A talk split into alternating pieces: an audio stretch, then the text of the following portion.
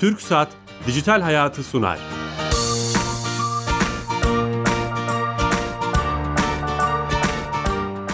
Herkese merhaba. Teknoloji ve dijitalleşmenin hayatlarımıza etkilerini konu edindiğimiz Dijital Hayat programımıza hoş geldiniz. Her cuma bir başka konu ve konukla TRT İstanbul Radyo stüdyolarından sizlere konuk olmayı, konuk olmaya devam ediyoruz. Bugünün bugün düzensizin düzeni olarak ifade edilen kaos teorisini önce anlamaya sonra da bilgi çağı olarak nitelendirilen günümüz penceresinden bakmaya çalışacağız. Çok değerli bir konuğumuz olacak. Üsküdar Üniversitesi öğretim üyesi Profesör Doktor Sinan Canan, Sinan Canan hocamız bizimle beraber olacak. Ama öncesinde her program başında olduğu gibi sponsorunu TürkSat'a bağlanıp kamunun dijitalleştirdiği tüm hizmetleri bize sunan Türkiye Gov.tr'den bir özelliği Sami Yenici'den dinleyeceğiz. Sami Bey telefon attığımızda. Sami Bey. Bilal Bey yayınlar. Hoş geldiniz yayınımıza. Hoş bulduk sağ olun. Bu hafta hangi hizmeti servisi bize anlatacaksınız? Evet, evet kapısına entegre ettiğimiz ilk bütünleşik hizmetimizden bahsedelim bu hafta. Olur. İsmi Araçlarım. Bu hafta açtığımız araçlarım hizmetiyle üzerinize kayıtlı araçların ceza, vergi, kasko ve trafik poliçeleri, muayene raporları, HGS ve OGS bilgilerine erişebilir, ödeme işlemlerinizi yapabilirsiniz. Bu hizmet çeşitli kurumların işbirliğiyle E-Devlet Kapısı altyapısı üzerinden sunulmakta. Araçların hizmetine E-Devlet Kapısı'nın mobil uygulamalarından da erişmek mümkün aynı zamanda. Harika. Böyle paketler olacak anladığım kadarıyla. Bu, bu yeni bir yeni bir süreç. Doğru mu? Evet. ilk defa gerçekleştirdiğimiz bir hizmet türü. Ee, artık pek çok kamu kurumunu bir araya getirerek bu tarz bütünleşik hizmetler sunmaya Harika. Araçlarımızla ilgili, sahip olduğumuz araçlarla ilgili tüm hizmetleri tek bir menüden, tek bir başlık altında yapabileceğiz. Çok iyi, Evet. e, çok güzel bir gelişme bu. Ellerinize sağlık. Teşekkür ediyorum. İyi yayınlar diliyorum. Sağ olun, teşekkürler. Evet, TürkSat'a da bağlandık. Yeni katılan dinleyicilerimiz vardır. Ee, Profesör Doktor Sinan Canan hocamızla beraber olacağız. Kaos teorisini konuşacağız. Hocamız telefon attığımızda. Hocam, Merhabalar. hoş geldiniz yayınımıza. Hoş bulduk. İyi yayınlar diliyorum. Ben davetiniz için teşekkür ederim. Hoş bulduk. Sağ olun hocam, şeref verdiniz. Önce sağlığınız nasıl, keyfiniz nasıl soralım isteriz. Vallahi çok şükür her şey yerli yerinde. Elimizden geldiğince nefesin hakkını vermeye çalışıyoruz. İşte bakalım. Hocam çok e, kolay, kolay gelsin. Hocam açılışta ifade etmeye çalıştım. E, düzensizliğin düzeni olarak siz de yıllardır bu konu üzerinde bayağı kafa yo- yoran birisiniz. Öncelikle hiç Evet. e, bilmeyenler için e, kaos teorisi nedir böyle başlayalım mı? Olur. Ee, aslında zor bir soruydu. Bunu bir 10 sene önce sorsam hani anlatmakta çok ciddi zorlanırdım ama galiba anlata anlata işin herkesi ilgilendiren özünü yakalayabildiğimi düşünüyorum. O da e, şimdi bizim normalde içinde yaşadığımız düzen, bu medeniyet, makina, dijital çağ vesaire bize belli bir düzen algısı veriyor. Yani bizim düzenli dediğimiz şeyler var hayatta. Ve saat bunun sembolü mesela en düzenli çalışan şey. Ama tabiata bakıyorsun. Tabiattaki oluşlar, hadiseler böyle bir saat gibi bir düzen sergilemiyor. Ne zaman ne olacağı belli olmuyor. E beş günden öte hava tahmini yapamıyoruz mesela meteorolojik olarak. E, böyle çok uzun sürede hesaplamamıza, öngörmemize imkan vermeyen bir dünyada yaşıyoruz. Bu bize de bir çelişki oluşturmuş yüzlerce yıldır yani binlerce yıldır hatta. İnsan hem böyle düzenli bir çevrede yaşamak istiyor hem de tabiatın düzensizliğini akıl erdirmeye çalışıyor. 1960'lardan sonra e, biz bilimde şunu gördük. Tabiatta düzensiz ya da öngörülemez zannettiğimiz hadiselerin birçoğunun aslında yüksek düzeyde matematiksel bir düzene uyduğunu fark ettik.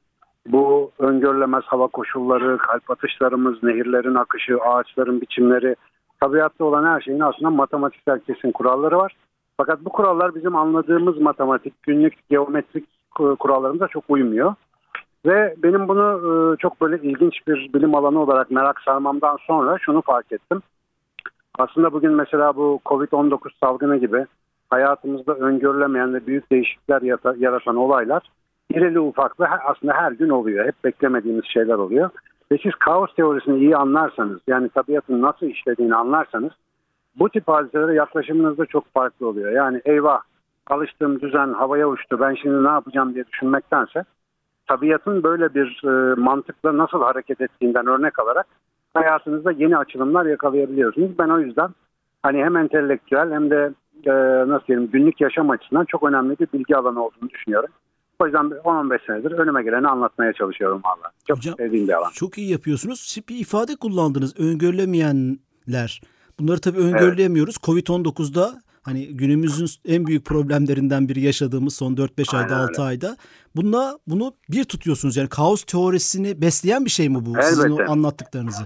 Şimdi e, buna Nicholas Taleb diye bir yazar vardır. E, Siyah Kuğu diye bir kitabı var ama bu hani filmi çekilen Siyah Kuğu değil de e, bir ekonomisttir Nicholas Taleb. E, Siyah Kuğu kitabında böyle öngörülemeyen hadiselerin neden kaçınılmaz olduğundan bahseder. Üzerine bir program yapmıştık hocam. 11 Eylül 2018 ekonomik kriz hep bunların öngörülemeyen şeylerde olduğunu aynen, söylemiştik. Aynen, aynen öyle. Şimdi bu tip hadiseler bizi hep şaşırtıyor. Çünkü bizim planlarımızda ve programlarımızda mesela krizlere, öngörülemeyen kazalara, felaketlere ya da salgın hastalıklara yer yok. Çünkü bunların ne zaman olacağını bilemezsiniz. Ama bunlar bazen hani ufak etkilerle görülüp geçiyor ama bazen işte bu Covid-19'da olduğu gibi öyle bir geliyor ki bütün düzeni darmadağın ediyor. Bütün hayatımızı değiştiriyor. Mesela 11 Eylül saldırıları öyle. Bu işte 2001 ya da 2008'de gördüğümüz ekonomik krizler öyle. Ee, yani hem global çapta hem yerel çapta hayatımızı çok değiştiren ve önceden kimsenin geleceğini tahmin edemeyeceği hadiseler bunlar. Covid-19 salgında öyle. Şimdi bu hadiseler e, geriye dönük baktığınızda aslında bir ritmi var bunların. Bu ritim saat gibi bir ritim değil. Yani bizim alıştığımız tarzda böyle ritmik diyebileceğimiz düzenli aralıklarla gelmiyor ama kaotik bir ritmi var. Bu kaotik dediğimiz şey karışık ya da kuralsız anlamına gelmiyor. Yani bunun da bir hesaplanabilir ritmi var.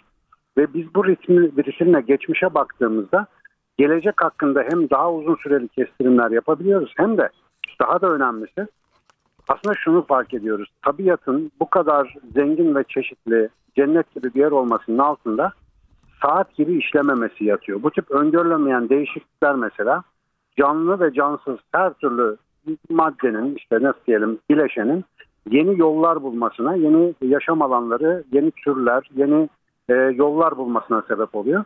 Ve böylece kainat çeşitleniyor ve zenginleşiyor. Bizim kafamızdaki gibi olsaydı her şey saat gibi işleseydi malumunuz saatin pili bitince hayat duruyor. İşte bir e, diyelim cihazın dişlilerinin mekanizmasının arasına bir şey sıkışınca, bir yere aşınınca, bir kol kırılınca bütün sistem duruyor. Ama tabiat öyle değil. Tabiat son derece karmaşık ve çok düzeyli bir düzene sahip ve bu düzen içerisinde de aslında bizim felaket dediğimiz işte efendim beklenmeyen işte kötü hadise dediğimiz her şeyin aslında bir yeri var. Yani bunların olması gerekiyor sistem içinde. Dolayısıyla bu açıdan baktığınızda mesela siyah kuğuda Nikolas Taleb'in söylediği şey bu hadiseler çok dönüştürücüdür. Biz bunları öngöremeyiz ama bunların e, her zaman olduğu bir evrende yaşama fikrini artık benimsemeliyiz. Çünkü bu felaketler olmadan yani diğer insanların başına gelen şeyler bizim de başımıza gelmeden böyle planladığımız gibi bir hayat yaşamamız hiçbir zaman mümkün olmayacak. İster kişisel ister toplumsal olarak düşünün.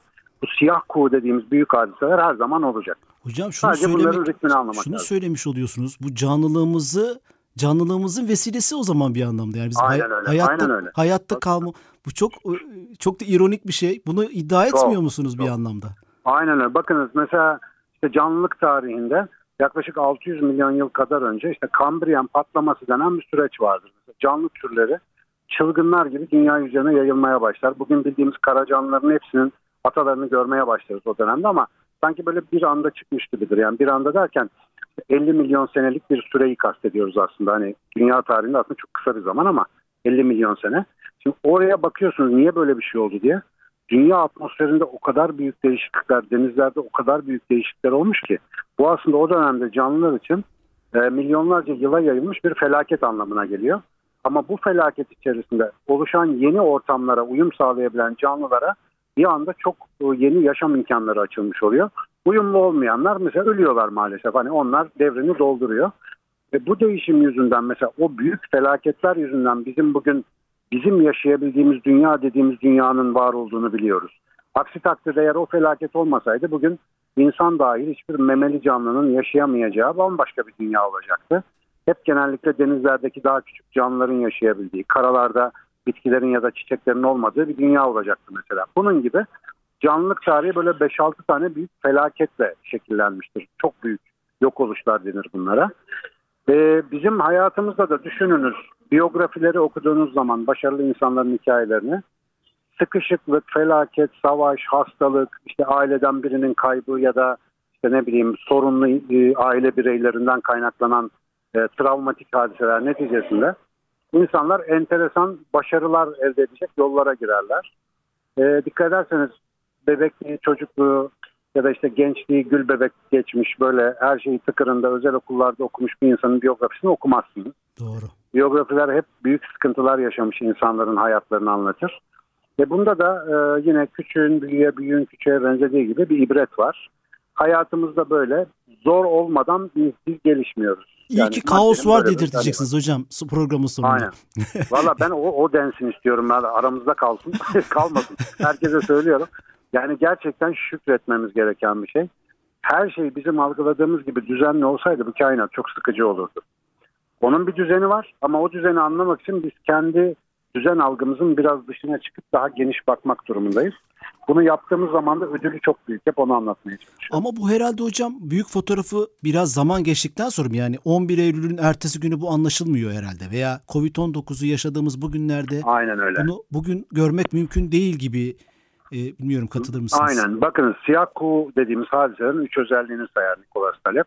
Birincisi dediğim gibi kimse bunları öngöremez. İkincisi o kadar büyük etki yapar ki o olay olurken bile bu etkiyi anlayamazsın. Mesela bugün muhtemelen Covid-19 da öyle. Biz içindeyken daha ne olduğunu doğru dürüst anlayamıyoruz. Zaman geçince fark edeceğiz bunun etkilerini. Üçüncü özelliği çok enteresan. Olup geçtikten sonra insanlar şöyle derler o olay hakkında. Ya zaten bundan dolayı oldu. Yani rasyonalize etmeye, akılcılaştırmaya çalışırlar o hadiseyi. Sanki herkes biliyormuş da öyle olmuş gibi davranırlar. Mesela 11 Eylül hadiseleri için ya işte önceden filmi çekilmişti. İşte Bush ailesi bilmem şu Arap ailesiyle akrabaydı. Bunlar böyle yaptılar. İşte aslında Amerika kendini vurdu gibi komplo teorileriyle hemen bunu bir rasyonize etmeye çalışırız. Ya da Covid-19'da daha geçmedi ama işte Çinliler yarasa yedi ondan başımıza geldi gibi. Doğru. Böyle kolaycı açıklamalara hemen mail ederiz. Bunu akılcılaştırmaya çalışırız. En büyük sıkıntı zaten siyah kuğu hadiselerinden ders almamamızla ilgili en büyük hadise bu akılcılaştırma refleksi. Eğer olayın global olarak bütününe bakarsak hiçbir hadisenin tek bir sebebi olmadığını göreceğiz. Yani evet Çinliler yarasa yemiştir belki onunla başlamıştır ama bütün mesele o değildir. 15-20 milyon insanın bir arada yaşadığı şehirlerin varlığı yüzünden Covid-19 böyle büyük bir salgındır mesela. Bu kadar kalabalık şehirler olmasa dünya çapında bir salgından bahsedemiyor olacaktık. Dolayısıyla bunların hepsini bir araya topladığınızda geniş bakabildiğinizde Covid'den ders alabilirsiniz. Ama biz insanlar bu kadar yoğun düşünmeyi çok sevmediğimiz için basit sebepler ya da böyle havalı komplo teorileri ya da inandığımız, güvendiğimiz birilerin kısa yollu açıklamaları bizi hemen tatmin eder ve bir daha olmayacakmış gibi hayatımıza devam ederiz. Ee, işte bu biraz da hani bizim kadim öğretilerimiz der ya insan nisyan ile mağluptur. Doğru hocam. Yani e, unutur insan. Unutuyoruz yani e, işte 99 depremi ne kadar büyük bir acı yaşadık. 5 sene sürmedi unutmamız. Yani hayatımızdan resmen çıktı. Şimdi ancak uzmanlar şu kadar deprem olabilir, şu zaman deprem olabilir dediğinde aklımıza geliyor. Allah korusun yine büyük bir felakete kadar bu konuyu maalesef aynı şuurla ele alamayacağız. Halbuki siyah kuğu mantığını bildiğinizde, kaos teorisini anladığınızda, kelebek etkisi dediğiniz şeyi fark ettiğinizde her an yaptığınız her şeyde felakete hazır olacaksınız. Yani her an tabiatın böyle bir sürpriz yapabileceğinin bilincinde olmanız gerekiyor. Aksi takdirde e, dövün, işte dizlerimizi dövüp bir şekilde pişmanlıkla yaşamaya devam edeceğiz maalesef. Hocam burada parantez açıp bu siyah kuğu metaforunu anlamak için çok az görünen bir canlı türü mü siyah kuğu? Onun neden oraya adreslemiş Ha. yazar? Benzetme şu. Şimdi biz mesela plan program yaparken ne diyoruz? Aylık, haftalık işte ya da böyle yıllık, 10 yıllık planlar yapıyoruz ya. İşte şu şöyle olursa böyle olur, bu böyle olursa böyle olur. Bütün bu kabullerimiz belli teorilerimize ve ezberlerimize dayanıyor. Aynen şunun gibi yani diyelim sadece işte Türkiye'de gezdiniz dolaştınız 10 bin tane kuğu gördünüz 10 bin kuğunun da hepsi beyazdı ve dediniz ki bütün kuğular beyazdır. Biz çünkü ne kadar kuğu görsek beyaz. Ama bir siyah kuğu çıkar bütün bildiklerinizi darmadan eder. Yani bu teoriniz tamamen çöker. İşte Avustralya'da ilk defa siyah kuğular görüldüğü zaman insanlık bu temel bilgisini gözden geçirmek zorunda kalmış. Nicholas Taleb de biraz benzetme olarak siyah kuğu metaforunu almış. Çok güzel. Bu tip hadiselerde bizim ezberimizi darmadağın eder. Ama işte ne çare ki biz tekrar eski ezberlerimize sığınacağız diye böyle debelenip dururuz. İnsan olmanın bir tarafı da bu maalesef. Evet, e, Üsküdar Üniversitesi öğretim üyesi Profesör Doktor Sinan Canan hocamızla sohbetimize devam ediyoruz bu bilgilendirici, keyifli sohbetimize, zihin açıcı.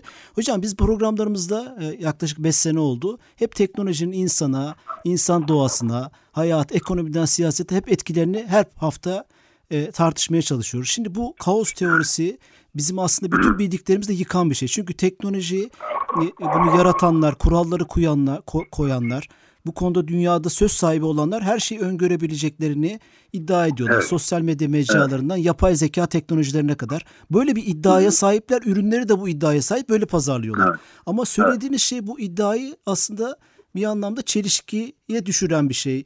Bu konudaki Evet. düşünceleriniz neler? Şimdi burada çok çok önemli bir yere parmak bastığını söylemeliyim. O da şu ki global piyasalara, global siyasete yani bütün küresel düzene hakim olma iddiasındaki insanların 1920'lerden 30'lardan beri e, uyguladıkları stratejinin temelinde aslında öngörülemez bir sistemi nasıl kontrol edebileceklerine dair fikirler yatıyor. E, bilim dünyası 1960'larda kaos teorisini konuşmaya başlamasına mukabil bundan çok daha önce toplum tasarımcıları diyelim özellikle 1920'lerden işte Edward Bernays ekolünden daha sonra 1930'larda 40'larda işte Hitler'in e, danışmanlarının Göbels'in falan uyguladığı toplum mühendisliği tekniklerine kadar e, çok ilginç bir ikilem var. Topluma bir düzen pazarlanıyor. Yani topluma deniyor ki şöyle yaparsanız mutlu olursunuz. İşte bugün ne deniyor? Satın alırsanız mutlu olursunuz. İşte bu cihaz sizin sağlığınızı size bildirir. Böyle hep daha sağlıklı olursunuz. Egzersizinizi takip eder. Hep böyle size güzel e, çiçekli bir gelecek çiziyor ama arka planda esas yönetim mesela bugün yapay zeka ağlarının falan programlanması ağırlıklı olarak kaos teorisinin mantığıyla yapılıyor. Yani bize düzen pazarlanırken arka plandaki yönetim kaosa göre yapılıyor. Şimdi bu kaosa göre yapılması da şundan. Siz eğer biraz insan toplumlarının ya da dünyanın düzenini anlamışsanız doğrusal bir yönlendirmeyle bir faydası elde edemeyeceğinizi uzun vadede bilirsiniz. Bunu zaten bu bilimle uğraşan herkes biliyor. Peki ne yapılıyor? Benim özellikle bu Covid-19 salgınında güncel hayatta insanlara hep önerdiğim şeyi aslında yapıyorlar. Ben bireysel olarak da bunu yaparsak çok işimize yarar diyorum. O da şu, anlık olarak izleyerek, verileri alarak sürekli yeni stratejiler geliştiriyorlar. Devamlı strateji değiştiriyorlar. Mesela biz sosyal medya kullanımını bu kadar işte big data, büyük veri dediğimiz şeyin önemini niye herkes anlatıp duruyor? Sebebi şu, şu anda sosyal medyada her bir beğenimiz, her bir sayfa görüntülememiz, her bir hareketimiz veri olarak bir yerlere akıyor ve bu veriler çok büyük sunucularda toplanıp değerlendiriliyor ve bizim toplu davranışlarımız, bakın bireysel değil, toplu davranışlarımız üzerinden toplum kontrolünün yüksek matematiksel modelleri üzerine harıl harıl çalışılıyor. Ama bu modeller bir kere kurup da işletebileceğiniz modeller değil. Her an yenilemeniz gereken. Çünkü sistemin kaotikliği dolayısıyla işte bir, bir hafta önce yaptığınız planın bir hafta sonra geçersiz olacağı sistemler. Yani bir, bir illüzyon içinde yaşatılıyoruz. Ah işte şöyle yaparsan sağlıklı olursun, böyle yaparsan güzel olursun, böyle yaparsan yaşlanmazsın diye. Ama arka planda bu orkestranın, e, orkestra şefinin çubuğunu sallayan şefler onlar işi kaotik bir düzeyde inceleyip yönetiyorlar. Ben o yüzden e, herkesin temel düzeyde bu illüzyondan kurtulabilmesini çok önemli buluyorum. Zira bu yanılsamadan çıktığımız zaman bize pazarlanan şeyin de ne kadar yalan olduğunu fark edeceğiz. Ne amaca hizmet ettiğini fark edeceğiz. Ve sadece e, iyi niyetlerle belki hayatımızı daha güzel yapmak üzere bu kadar tüketim e, odaklı bir yaş- hayat yaşarken aslında kendi e, sonumuzu hazırladığımızı, kendi gelişimimizin önüne duvarlar çektiğimizi de görebileceğiz diye düşünüyorum. E, tabii ki at binenin, kılıç kuşananın, ben burada komplo teorileriyle şikayetçi olmak için bunu anlatmıyorum. Bu herkese açık bir bilimdir, herkese açık bir bilgidir. Çalışan bu bilgiyi böyle de kullanır, öyle de kullanır. Ben inşallah ileride ülkemin e, bu konuda e, pozitif toplum mühendisliği diyebileceğim, yani insan potansiyelini maksimize etmeye yönelik bir amaçla hareket eden bir yapılanma tarafından kullanıldığını hayal ediyorum. E, bunu yapmaktan da uzak değiliz, çalışıyoruz. Çünkü bu bilgi gerçekten e, küresel anlamda kullanıldığında insanın çok hayrına da olabilecek bir bilgi. Ama maalesef insan biliyorsunuz genellikle icatlarını kötüye kullanmaya çok meyyal. bu, arka planda böyle bir sıkıntı yaşıyoruz. Bu teknolojileri üretenler, bize sunanlar bunları da inkar etmiyor hocam. Biz e, size tabii, öngörülebilir tabii. bir hayat, daha bir hayat sunabilmek için sizin datalarınızı, verilerinizi, e, evet. e, her şeyinizi topluyoruz. Bunu direkt şirketin CEO'larından e, YouTube'da açık, herkese açık şekilde konuşmalarında dinleyebilirsiniz. İş modelleri bu yönde ama orada bir tabii, fayda tabii. Fa- karşılıklı fayda sunuyorlar. Yani biz gerçekten bu e, e, her alanda, kendi iş alanımızda, sosyal hayatımızda da bu teknolojilerden faydalandığımız için e, belki orada bir fayda zarar analizi mi yapıyoruz insanlık olarak? Hani sizin de Peki, uzmanınız burada. E, tabii, vazgeçemiyoruz yani vazgeçmiyoruz. Rıza ya mühendisliği bakın, var. Şöyle, yani. e, bu işin kişisel ölçüsü önemlidir. Yani global komploları, teorileri istediğiniz kadar tartışabiliriz ama elimizde veri yoktur genellikle ama kişisel ölçü çok önemli. Ben de bence ölçü çok basit. Hep söylediğim şey.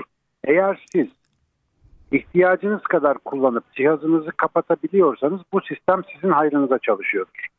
Ama eğer siz e, vakit israf ediyorsanız, kaynak israf ediyorsanız, zaman israf ediyorsanız bu cihazların başında, bu teknolojilerin başında verimli olmanız gereken yerde veriminiz düşüyorsa o zaman bu teknolojiler sizi kullanıyordur.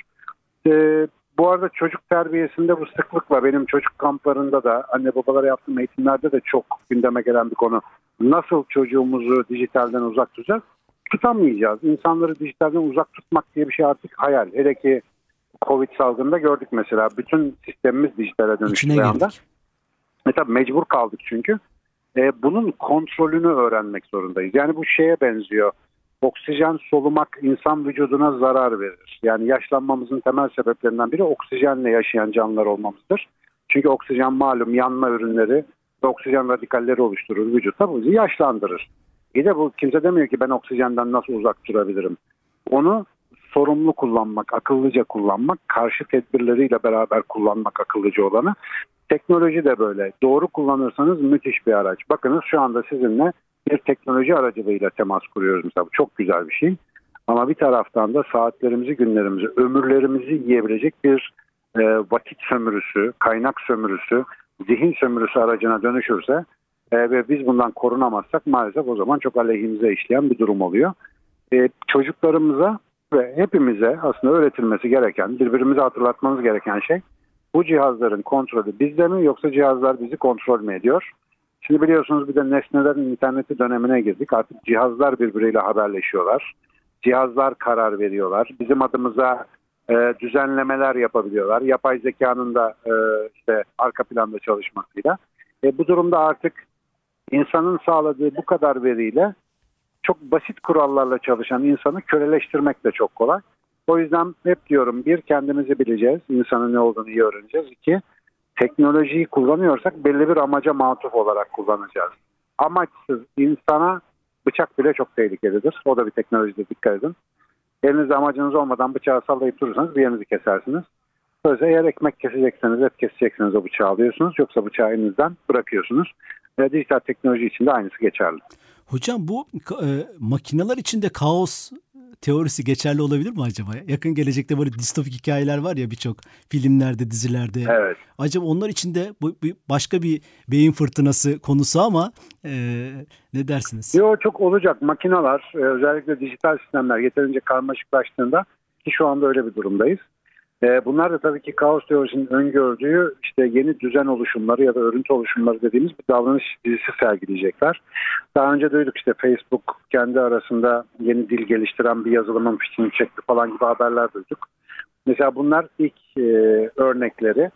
Siz bir sistemi yeterince karmaşık hale getirdiğinizde bir süre sonra o sistemden bazı yeni davranışlar zuhur eder. Zuhur eder dememizin e, özel bir sebebi var. İngilizce kelime emergence yani önceden işaret vermeyen bir ortaya çıkışı kastediyoruz zuhur etmek derken. Aniden. Ve bir aniden ortaya çıkan bir beliren düzen demek bu.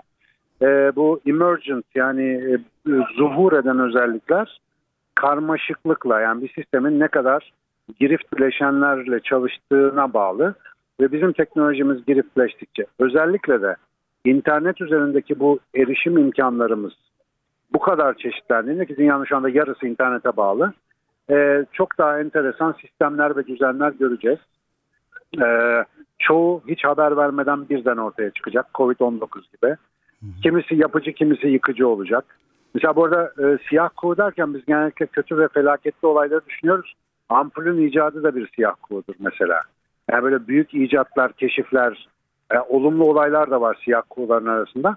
Ama ne olumlu ne olumsuz fark etmez öngöremediğimiz ve büyük değişiklik yapan hadiseleri bekleyelim diyorum ben. Yani onlar gittikçe daha da sıklaşacak. Çünkü çok karmaşık bir dünyada yaşıyoruz ve neyin ne zaman çıkacağı da hiç belli değil. Ee, en önemli sorun da şudur bireysel açıdan bunu da yeri gelmişken belirteyim.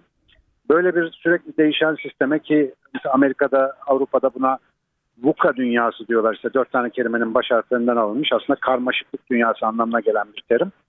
Ee, böyle bir dünyada yaşayabilmenin tek yolu vardır.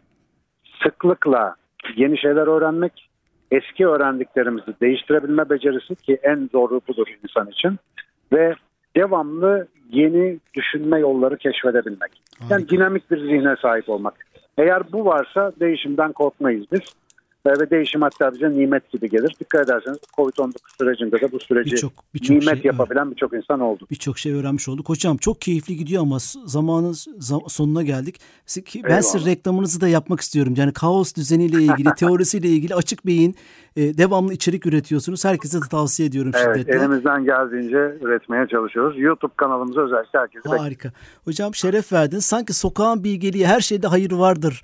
Ee, bunun Türkçesi oldu yani bu. Çok, Çok güzel söyledin. Kaos teorisinin sonunda varması gereken yer burası. evet. Bizim Hocam dedelerimiz, ninelerimiz varmış. bilgeliğe uğraş, ulaşmışlar. Hocam şeref verdiniz. Ağzınıza sağlık. Estağfurullah. Çok çok teşekkür ederim. İyi yayınlar diliyorum. Sağ olun hocam. Teşekkürler. Evet, e, Üsküdar Üniversitesi'nden e, öğretim üyesi Profesör Doktor Sinan Canan hocamızla kaos teorisini bugünden bakarak anlamaya çalıştık. Haftaya Cuma yeni bir konu ve konukla beraber olacağız. İyi hafta sonları. Hoşçakalın.